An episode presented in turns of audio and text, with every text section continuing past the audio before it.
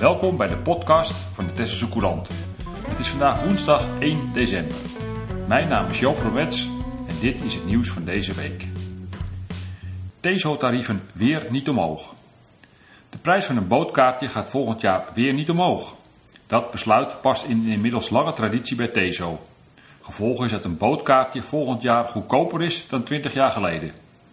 Normaal maakt TESO de vervoerstarieven bekend in de aandeelhoudersvergadering in het najaar. Maar vanwege corona is deze bijeenkomst uitgesteld. Het is nog niet duidelijk wanneer wel wordt vergaderd en ook niet of dit online gebeurt of toch fysiek. Geen starterslening woningen Jelleboog. Wie een appartement in de kantoorstraat wil kopen, komt niet in aanmerking voor een gemeentelijke starterslening.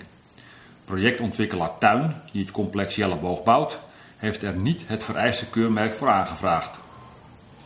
Een starterslening is bedoeld voor gegadigden die de aankoop zonder hulp financieel niet rondkrijgen. Een van de voorwaarden om zo'n lening te krijgen is dat een hypotheek wordt afgesloten met zogeheten nationale hypotheekgarantie. Een woordvoerder van Tuin laat weten dat dit keurmerk geld kost en dus tot een hogere koopprijs van woningen leidt. Na een kosten-baatanalyse is ervoor gekozen dit keurmerk niet aan te vragen. Ook vertelt hij dat Tuin niet wist dat zo'n keurmerk nodig was voor het aanvragen van een starterslening. Het is volgens de woordvoerder uitgesloten dat Tuin het keurmerk alsnog aanvraagt. Dat moet minimaal een jaar voor aanvang van de bouw gebeuren, terwijl de werkzaamheden inmiddels zijn begonnen. Teso-bushokje op Oude Schilderhaven.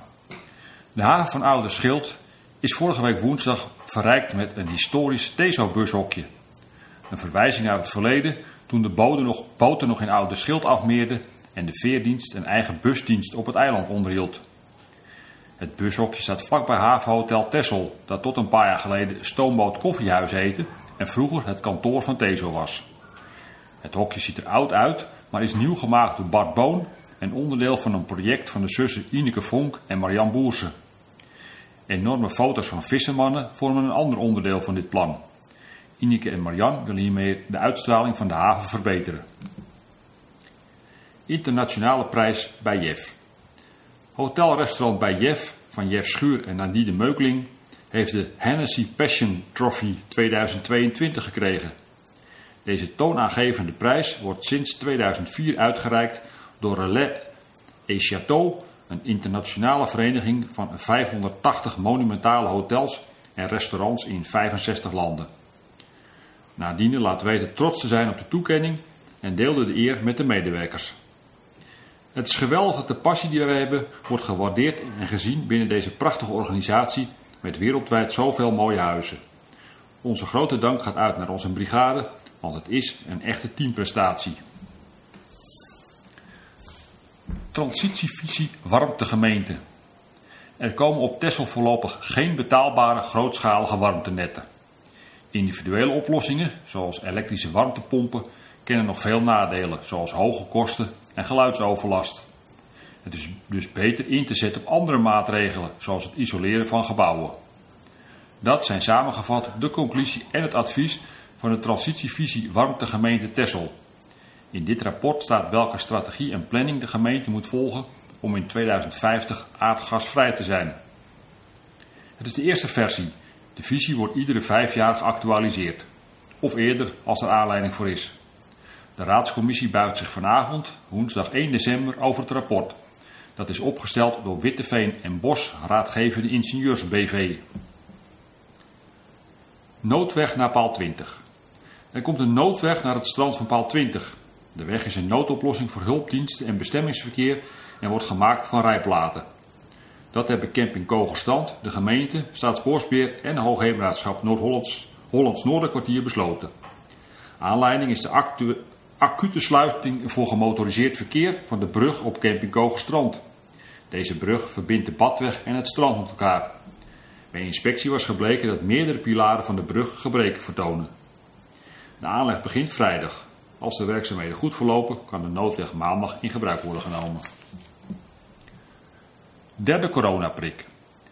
Tesselse 80-plussers die voor de derde coronavaccinatie, de zogeheten boosterprik, in aanmerking komen, kunnen dinsdag 7 en woensdag 8 december terecht in het gemeentehuis in Den Burg. Eerder was nog bekendgemaakt dat Tesselse senioren voor een prik naar de overkant moesten. Later noemde de GGD per abuis de TXL Sporthal als priklocatie. Maar het prikken van 80-plussers gebeurt dus in het gemeentehuis. Ook Tesla's met ernstige afweerstoornissen kunnen er terecht, mits hun specialist dat heeft geadviseerd. Bewoners van instellingen krijgen de derde prik thuis. Dat gebeurt in een later stadium. De GGD verwacht dat in januari de leeftijdsgroep 60 tot 80 jaar aan de beurt is. Of zij ook op Tessel terecht kunnen, is nog onbekend. Testen voor toegang. Er komt toch een vervolg op testen voor toegang. Dat heeft de gemeente deze week laten weten. De bedoeling is dat de nieuwe testlocatie over twee weken operationeel moet zijn. Covidia en onderaannemer Snelle Corona waren tot afgelopen zondag de aanbieders van testen voor toegang. De organisaties zijn ermee gestopt omdat het niet langer rendabel was de locatie in de Hof in de Koog open te houden. Testen voor toegang is er voor mensen die niet gevaccineerd zijn. Om de horeca of een museum binnen te mogen, moeten ze een negatief testbewijs kunnen tonen. In memoriam Jan Heemskerk. In de Tesselse Courant van vrijdag 26 november staat een in memoriam over Jan Heemskerk. De oud-hoofdredacteur van Playboy woonde sinds 1997 in de Koksdorp. Hij was daar al snel thuis. Zozeer zelfs dat de Koksdorpers hem vroegen het jubileumboek over 175 jaar Polder Eierland te maken. Hij leverde geen halfwerk. Het werd een indrukwekkend boek waarin de veelzijdigheid van de polder en de bewoners op verrassende en toegankelijke manier werden belicht. Spraakmakend ook was de editie van de Tesselse Courant, die Heemskerk in 2007 als gasthoofdredacteur maakte. In plaats van de redacteur aan het werk te zetten en zelf achterover te leunen, ging hij vol overgave aan de slag. Met zijn antenne voor bijzondere persoonlijkheden interviewde hij markante eilandgenoten, hield hij een proeverij van Tesselse likeurtjes, organiseerde hij een forumdiscussie en deed hij veel meer. Op de voorpagina prijkt het silhouet van een blote Tesselse dame. Het resultaat was een even unieke als gedenkwaardige Playboy-Tesselaar, waarover nog lang is nagepraat. Jan Heemskerk overleed maandag 22 november. Hij werd 84 jaar. De Tesselse Courant verschijnt twee keer per week en staat steeds boordevol nieuws, reportages en achtergronden. Neem ook een abonnement op de lokale krant van Tessel. Kijk op www.tesselsecourant.nl voor de mogelijkheden. Bellen kan natuurlijk ook. Tijdens kantooruren op nummer 0222 362 600.